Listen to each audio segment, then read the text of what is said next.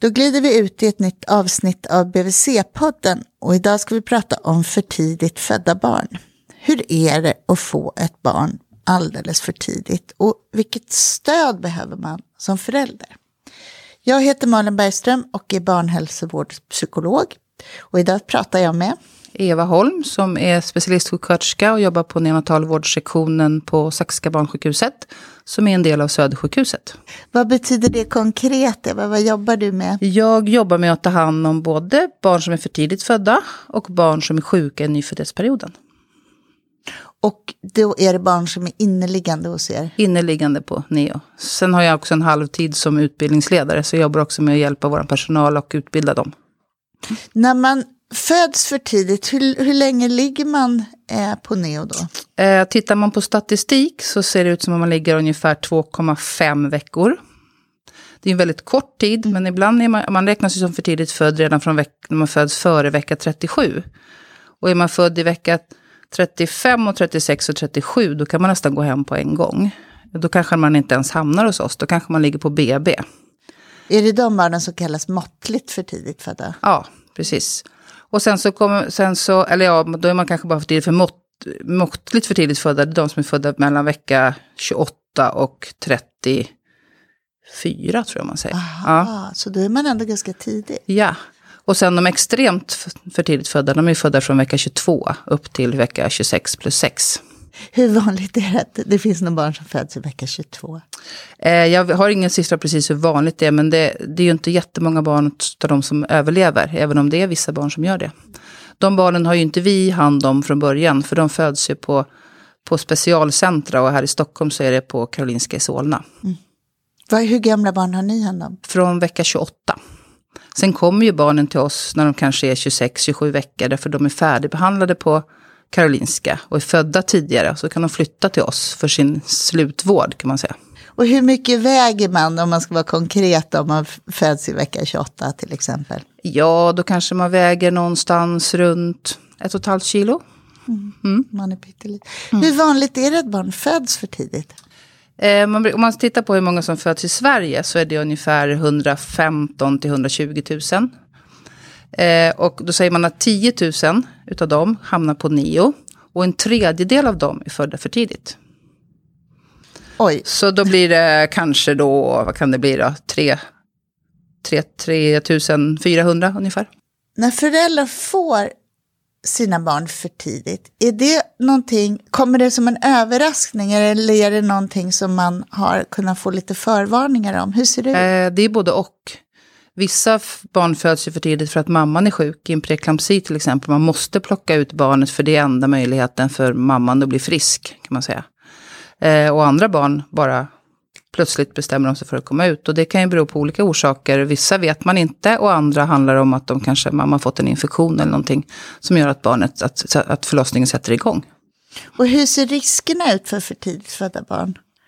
Hur menar risken för mig och dig eller för vem som helst som Nej, ska jag, få? jag, menar, jag tycker med, hur, hur går det för hur de går det för dem? Mm. Eh, ja, för de allra flesta barn så går det väldigt bra. Kan man säga. Eh, jag försökte leta efter, efter siffror just nu innan vi skulle, jag skulle gå hit. Och då är det, det är lite svårt att veta för de jag hittade är ganska gamla siffror. Eh, och de finns i den här... Eh, SKL har gjort en sammanställning om neonatalvårdens framtid kan man säga. Och de, då är siffrorna sedan 2007. Och då överlever 20, tror att det är 89 procent av de barnen som är födda i vecka 28. Eh, och sen går det ju neråt då beroende på hur liten man är. Men de barnen som föds efter vecka 28, där, är det ganska, där kan man säga att det inte är jättemånga barn som dör. Utan många klarar sig väldigt bra. Så, men om man överlever då, hur ser mm. hälsoriskerna ut? Eh, det finns ju alltid risk för när man är liten att man får hjärnblödningar. Därför att hjärnan är omogen och kärlen är omogna. Eh, men det behöver ibland leda till skador, ibland gör inte det. För hjärnan på de små barnen är fantastiskt ormformlig, så de liksom klarar sig utan problem. Eh, sen är det många barn som får problem i skolan som kanske Ofta ser man det först när de kommer upp i skolåldern. Att de har problem att koncentrera sig och kanske sitta still och får ADHD-liknande problem. Så, och koncentrationssvårigheter. Och perceptionsstörningar också. Att de har problem att kanske se, om man har en matta som har en annan färg i kanten så tror de att det kanske är ett hål istället för att och kliver med stora steg över. Så, så man har lite svårt med, med synen också. Mm. Och det betyder att eh, man kan ha ett extra utmanande föräldraskap då därför att de här barnen behöver en ännu större följsamhet och så vidare. Absolut, och extra stöd. Och vägledning. Ja. Ja. Och sen är det vissa barn som har problem med sina lungor långt upp i åldern.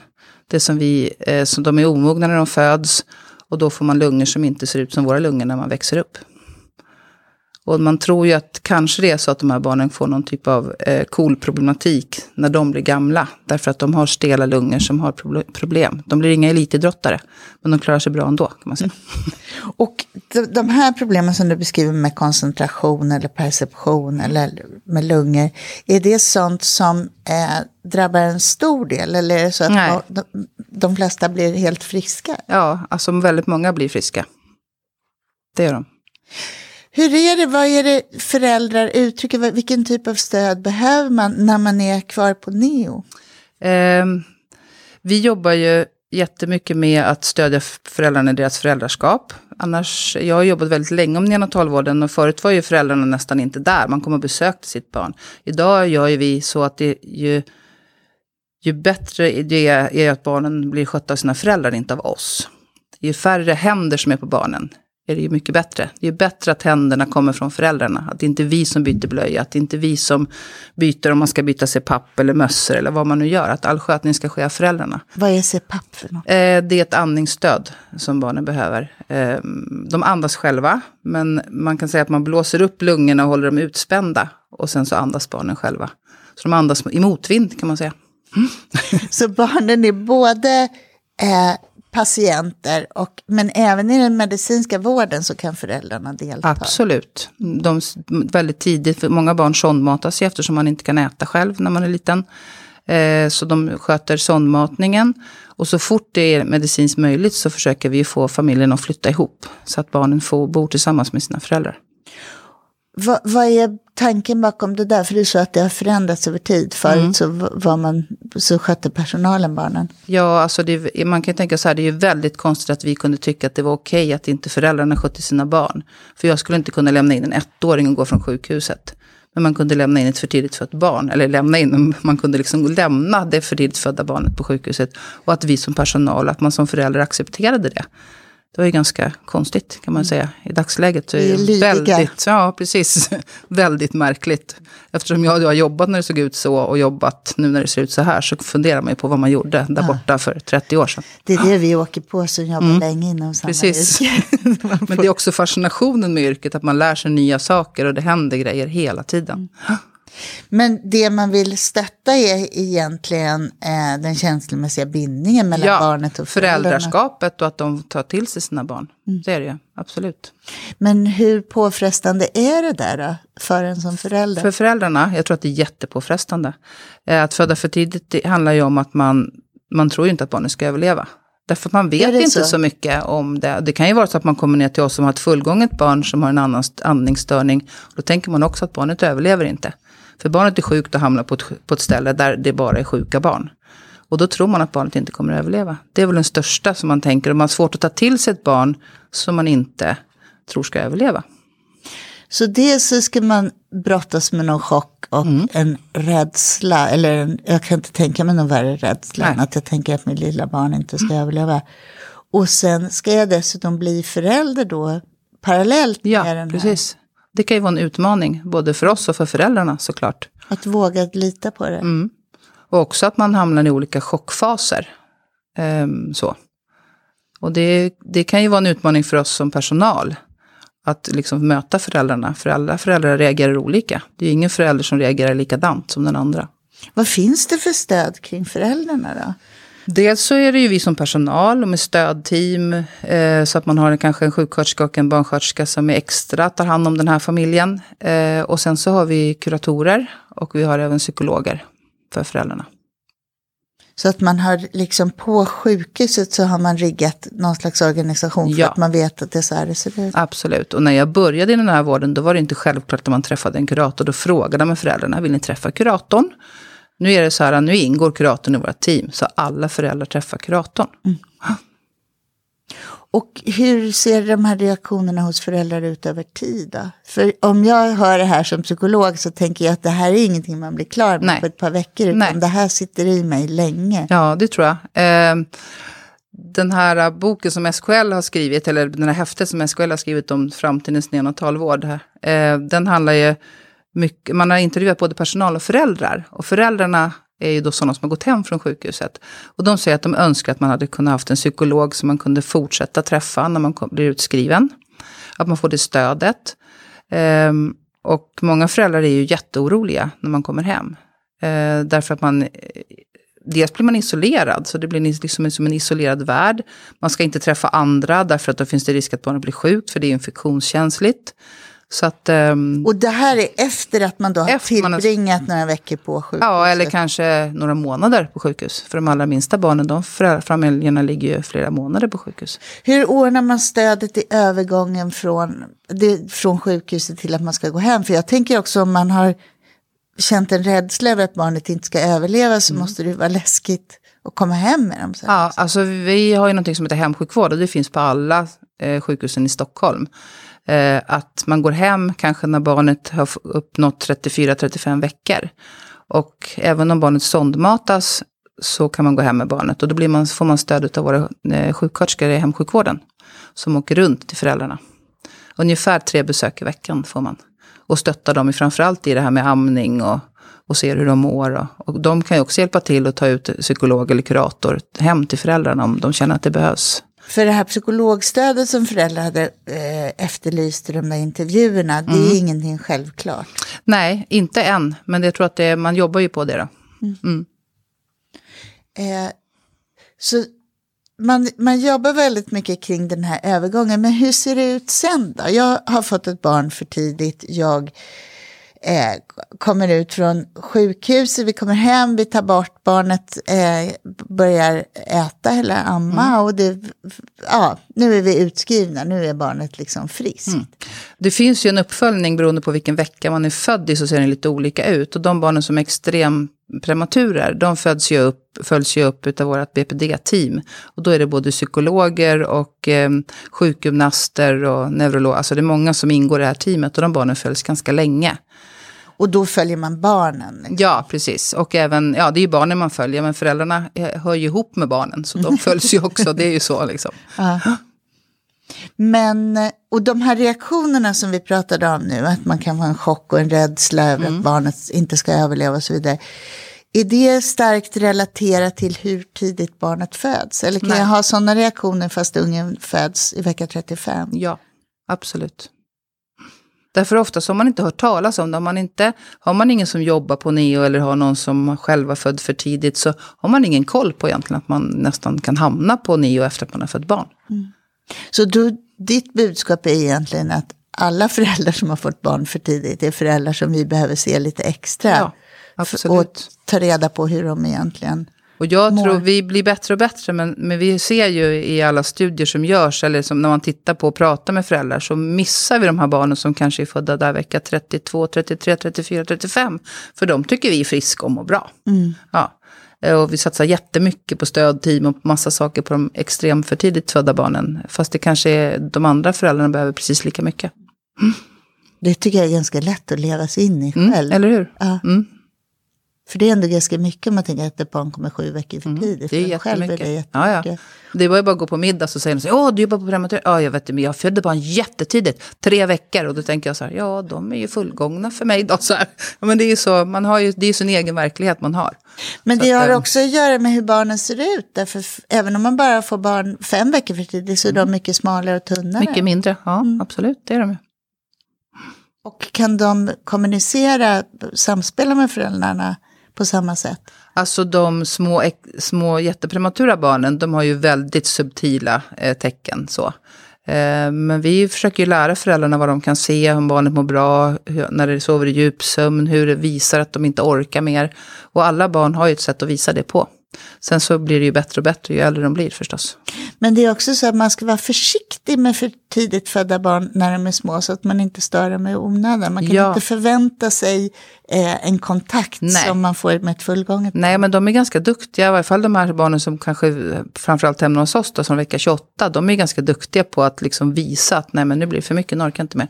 Så. Och det kan de ju visa genom att pulsen går ner eller saturationen går ner eller att de lägger en hand så eller ja, framför ögonen eller så. så att, eh, Och då får man som förälder lära sig då ja, precis. Ja. Men du, hur ser övergången ut till BVC? För nu har du ändå beskrivit en bild eh, för de här barnen och deras föräldrar som i mina öron låter ganska ansträngd. En ganska jobbig start på föräldraskapet. Det är det, absolut. Hur, hur lämnar man över till BVC sen? Alltså de allra flesta av de här barnen som är för tidigt födda lämnas ju inte över av oss personal på avdelning, utan det är vår hemsjukvårdssköterskor eh, som gör det och som har en kontakt med BVC. Och jag vet tidigare har det alltid varit så att man har tagit det första mötet eh, när de lämnar och BVC ska gå in tillsammans med BVC. Men BVC har ju en ganska ansträngd situation också och mycket att göra, så det är inte alltid man hinner göra det tillsammans. Det är ju två personers tider som ska passa och det är inte alltid så görligt. Men det vore väl det allra bästa, att man tillsammans med BVC gör den överlämningen. Annars så vet jag att man har telefonkontakt och pratar med BVC. Eh, de sköterskorna som är vårt hemsjukvårdsteam. Om vi liksom delar upp det där lite en barndel och en föräldradel, säger Mm. jag och ritar så fint ett hjärta här. vad, jag tänker vad man skulle önska från BVC, om, om du får säga från ditt håll. Vad, Ehm. vad tänker man då, hur, om vi börjar med barnet, vad är det som är viktigt att man eh, känner egentligen så är det att nog- barnet följs? Eh, egentligen så är det så att det, det är nog egentligen föräldrarna som är viktigast. För att annars är ju barnen är ju sådana så att är de, eh, antingen så följs de med oss av oss också om det är någonting som har varit problem. Men är barnen ganska stora och ska följas av BVC så handlar det ju om att det är föräldrarna som måste få tid och förstå att barnet nu mår bra och är friskt. Eh, och få stöttning i det. För, för de här barnen som, de brukar- behöva stöd i sin, amn, i sin amning, även om de har fått hjälp hos oss utav våra hemsjukvårdssköterskor som är jätteduktiga på amning, så behöver man fortfarande stöd i det här med amning. För den krånglar mer om barnet. Ja, de är suger ju inte lika bra och det tar, har tagit lång tid. De kanske har pumpat i åtta veckor. Jag tänker dig själv att Nej, inte kunna det ge kan jag maten. faktiskt inte. Nej. Det kan jag inte. Det- det är förstår helt man att Man imponerande. är överlevnadsmodet Ja, om, man, om precis. man genomför det. Och så tycker man också att det är det man kan göra för Ja, sitt barn. det Så då gör man det. Så det är, många har ju jättemycket mat. De är jätteduktiga att pumpa. Det är helt otroligt alltså. Hur de orkar sitta och pumpa. Var tredje timme, typ. Mm. Det är fantastiskt. Så det är något man kan hamna i för man känner att nu ska Mm. Nu gör jag något bra för ja, mitt barn. ja. Att, Det är en eh, väldigt fin drivkraft. Absolut. Och sen sitta mycket hud mot hud förstås. Eh, Men om vi tänker på BVC så vi, våran, vi tror väl att de behöver mera tid, alltså utav BVC, än vad, vad, vad fullgångna och friska bebisar och föräldrar behöver. Man behöver mer tid för att lära sig att se vad som är normalt. Man har ju haft en bebis som har gjort massa konstiga saker kanske under tiden som man växte upp som man inte har lärt sig känna riktigt ändå. Och nu börjar den bli stor och nu är den fullgången, eh, korrigerad tid. Och eh, då behöver man nog mera stöd och tid på BVC. Man ska switcha om i huvudet från den här tanken att den kommer inte överleva Mm. Nej. till att jag har ett friskt, Friskt barn, barn, som ja precis. jag inte ens behöver skydda för infektioner. Utan nu är det bara, ja det förstår Sen, brukar vi, sen säger vi att de ska hålla sig undan, för det är alltid så att man är lite känsligare när man är prematur. Speciellt går de ju hem medan de fortfarande är prematura. Alltså de kan ju gå hem i vecka 35. Och då är det ju fem veckor kvar tills de skulle vara födda ungefär. Så du tänker att man behöver extra mycket stöd från BVC. Och jag tänker att det du förmedlar Eva, det är egentligen väldigt hoppfullt. För att det är att vi är duktiga på det medicinska när det Ja, gäller barn. precis, Vi, ja. vi, vi, vi har koll på barn och vi släpper dem inte för tidigt. Nej. Svenska barn överlever, det är liksom Absolut. Mm. tryggt på det sättet. Men, Men jag det, tror att det är föräldrabiten som är den stora. Och att man tycker det, det kan vara jobbigt här med specialkost, för det kanske inte någon annan förstår heller. Vi har ju lite med olika specialkoster. Vissa barn behöver extra shots, som det heter. Även om de ammar så behöver de en liten extra shot för att kunna få lite mera tillsatser av kolhydrater, och proteiner och fett kanske. Så det är lite sådana saker som, är, som kan vara annorlunda om de inte har växt ordentligt. Eh, men sen är det väl, ja det är framförallt så är det väl nog det här med amning och eh, sådana saker. som är... Hur är det med, med, med eh, pappa eller den mamman som inte har fött barnet? Um, det har man ju sett vi, i vissa studier, att, att den som är liksom partnern bredvid, som inte är den födande, att de mår ganska dåligt. Kanske liksom ännu sämre än vad vi trodde att de gjorde när de kommer hem. När man kommer hem? När man kommer hem. Mm. Fångar man upp liksom hela familjen på Neo? Absolut. För jag tänker jobbar att, vi mycket med, hela familjerna. Men och syskon då? Eh, syskonen får ju vara, alltså, det har vi problemet igen med infektioner. Syskonen får ju vara hos oss och besöka, och besöka hos oss när det inte är RS-tider. Ah. Men när det är RS-tider så vill vi inte ha in syskonen heller. Och det betyder att föräldrarna, någon måste vara Någon hemma. måste vara hemma eller det barn. finns kanske en, en eh, mormor eller morfar eller någon annan som kan stötta. Mm. Det är vår kurator jättebra på att jobba med det här, hur man kan hitta ett nätverk som kan hjälpa en. Och komma med mat och ta hand om syskon, alltså sådana saker man kan bygga upp. Så det kan man behöva stöd i, bara det så här, hur ska jag göra, när ska vi lämna på förskolan, när ska vi lämna i skola, vem kan hjälpa till, vi måste laga mat, för de måste ju sköta sin lunch och middag och frukost själva. Kan någon hjälpa oss att komma med matlådor? Det är, hon är väldigt duktig på att hjälpa till att strukturera livet och det kan man behöva när man hamnar så i kaos. ja. mm, det är man ju. Så att då behöver man hjälp med strukturen. Jobbar man någonting med syskonen? För jag tänker att för ett, en, en liten treåring som får ett småsyskon och så är föräldrarna borta i fem veckor. Mm. Och man förstår att det är något lite läskigt som har hänt. Eh, vi har ju våran, våran lekterapi. Dit går eh, någon av föräldrarna, eller båda föräldrarna, för det kanske är det stället där de kan mötas under RS-tider. Det är att gå till lekterapin med syskonet, om de inte får komma in till oss på Neo. Och får, vad gör man i lekterapi då? Ja, våra, våra terapeuter är fantastiskt duktiga förskollärare och, och hittar barnen på deras nivå och hjälper dem och stödja dem. Och det finns kuvöser och det finns små dockor och det finns mycket sånt som man kan liksom... För att det är ju det som, som småsyskonet ligger i en kuvös eller ja, så. Så de är jätteduktiga. Så man har eh, liksom utarbetat ett, liksom, ett ganska starkt omhändertagande då, om man tänker dina år. I, Ja, i absolut. vården. Till skillnad från förut. Ja, absolut. Men hur, hur upplever föräldrarna det när de är utskrivna och kommer till BVC? Då? Är man nöjd med det man får? Känner man att man får tillräckligt? Eller finns det liksom en i- önskan om något mer? Ja, ibland så kan man ju tycka att man inte förstår. Därför att det är ju svårt att veta hur det har varit att vara prematurförälder. Och speciellt om man inte jobbar på NEO så kan det också vara svårt att veta vad som händer på NEO. Ehm, men det är, jag tror att eh, det som Malin hör, det handlar främst om det här med att hjälpa föräldrarna att se att de har ett friskt barn och tyda de tecknen på att man faktiskt har ett friskt barn och stödja dem i det de ser och det de kan och det de gör. Och sen det här med att få stöd i, i matproblematiken som kan vara då. Så lite extra tid. Lite extra tid. Ehm, kanske så, vi pratade lite grann om det här eh, häromdagen, att man, om man ger mycket tid till första besöket så kanske de andra besöken blir kortare och kanske inte så många. Annars kanske man kommer att behöva söka BVC ofta därför att man får så kort tid varje gång. Så lång tid kan leda till färre besök tror vi. Och att man också vilar i att nu har jag den här kontakten. Och Ja, precis. Hur ska man tänka med föräldragrupper då? För du beskriver ganska långa perioder av isolering när man inte ens kanske får träffa sin familj. Mm. Ja, Liksom. precis. Eh, eh, du tänker föräldragrupper och, när På man BVC. På BVC ja, precis. Eh, vi säger ju alltid att när man kommer hem så behöver man behöver inte vara helt Det går jättebra att ta ut barnet i vagn och gå ut och gå och träffa folk ute. För då är inte risken lika stor.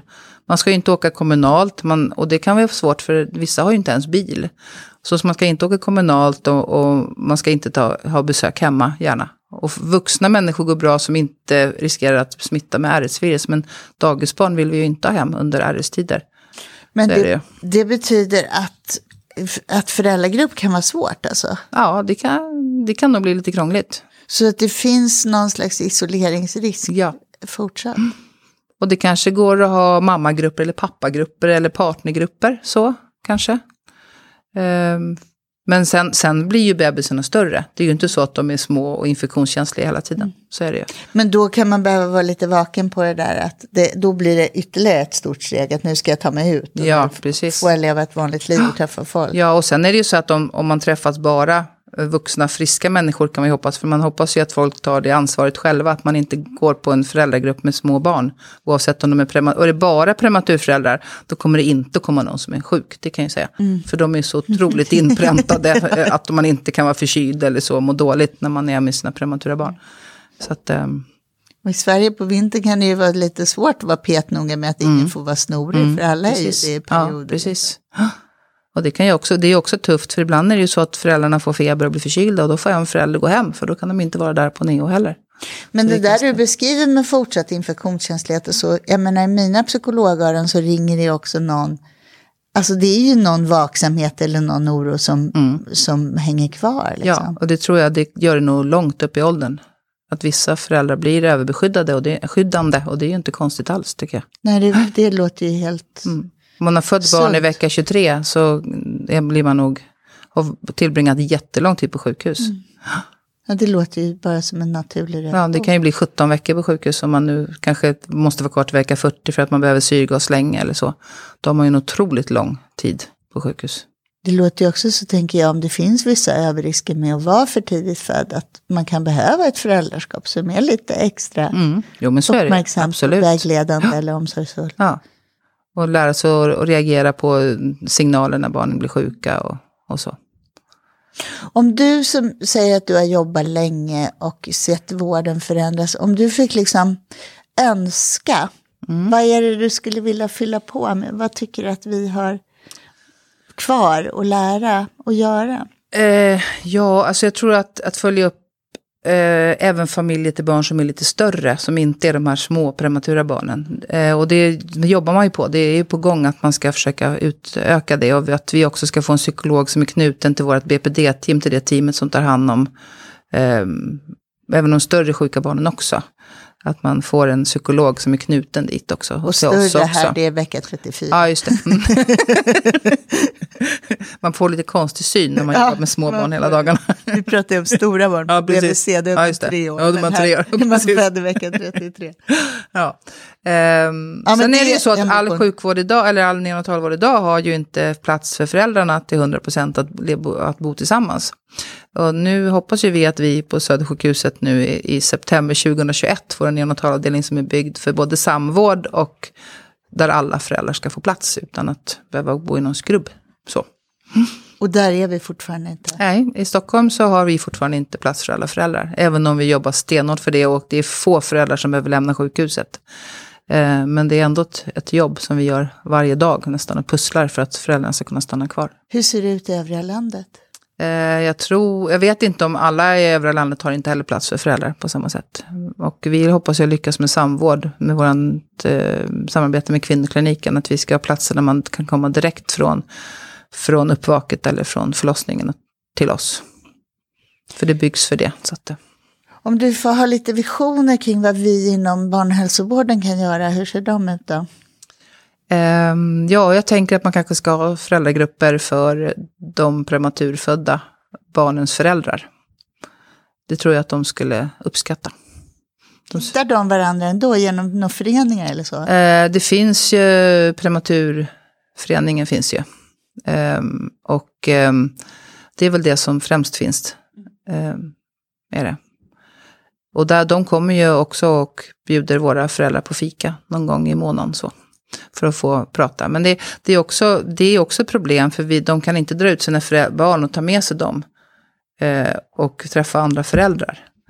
Utan då måste vi, vi ha koll på barnen och de får träffas. Och det är ju jättebra, men det, det, blir, ändå, det blir också en barriär för föräldrarna. Att man, inte, man vill inte lämna sitt barn på rummet och, och gå därifrån. Utan man tar gärna med sig maten in och äter maten på rummet. Och det har ju med vår hygien, eh, hygienrutiner att göra. Ja, Barnen får inte följa med och stå i köket där man äter, utan de måste stå på sitt rum.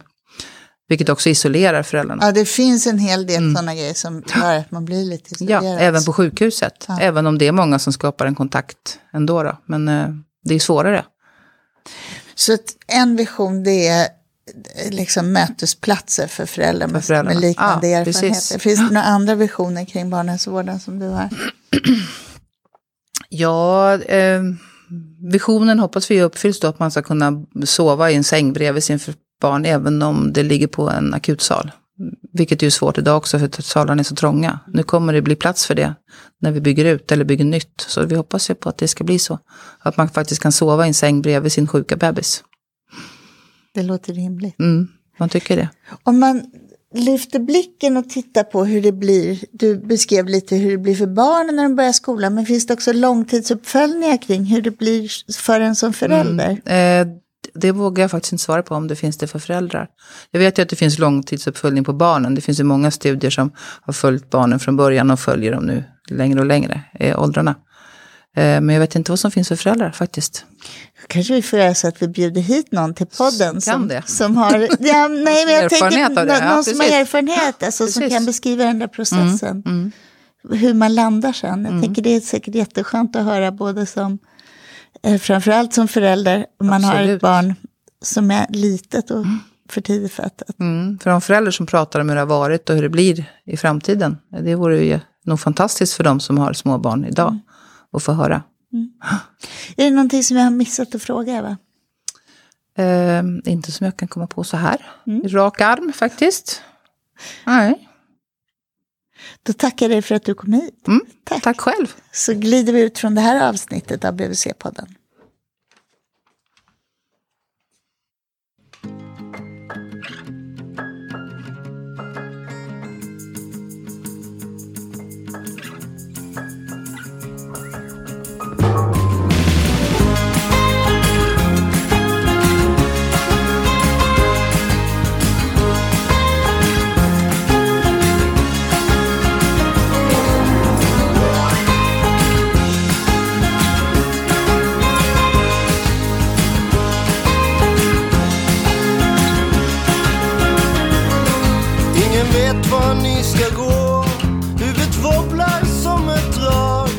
Men aldrig över ytan så.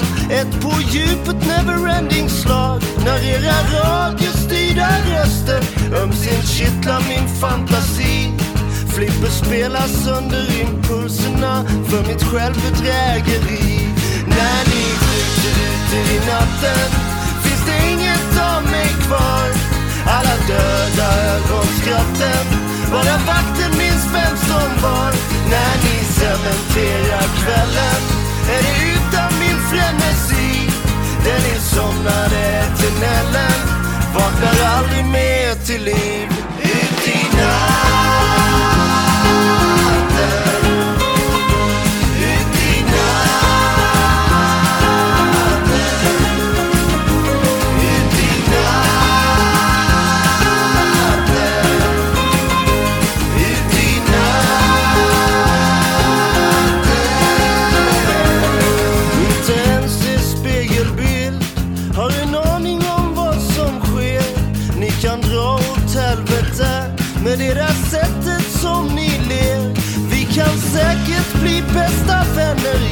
Eternal sunshine of the spotless mind. Men inte riktigt när du bara älskar mig genom rök och vodka lime. När ni skjuter ute i natten finns det inget av mig kvar. Alla döda ögonskratten bara vakten minns vem som var. När ni cementerar kvällen är det utan min frenesi. Den insomnade eternellen. vaknar aldrig mer till liv. Ut i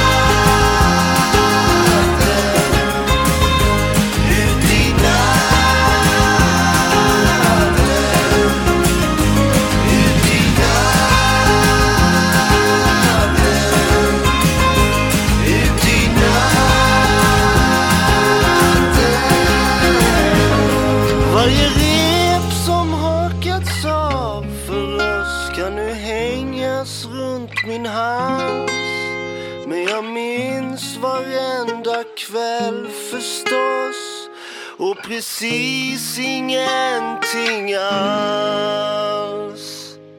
När ni skjuter ut i natten finns det inget av mig kvar. Alla döda ögonskratten, bara vakten minns vem som var. När ni cementerar kvällen är det utan min frenesi, där ni somnar ett I'll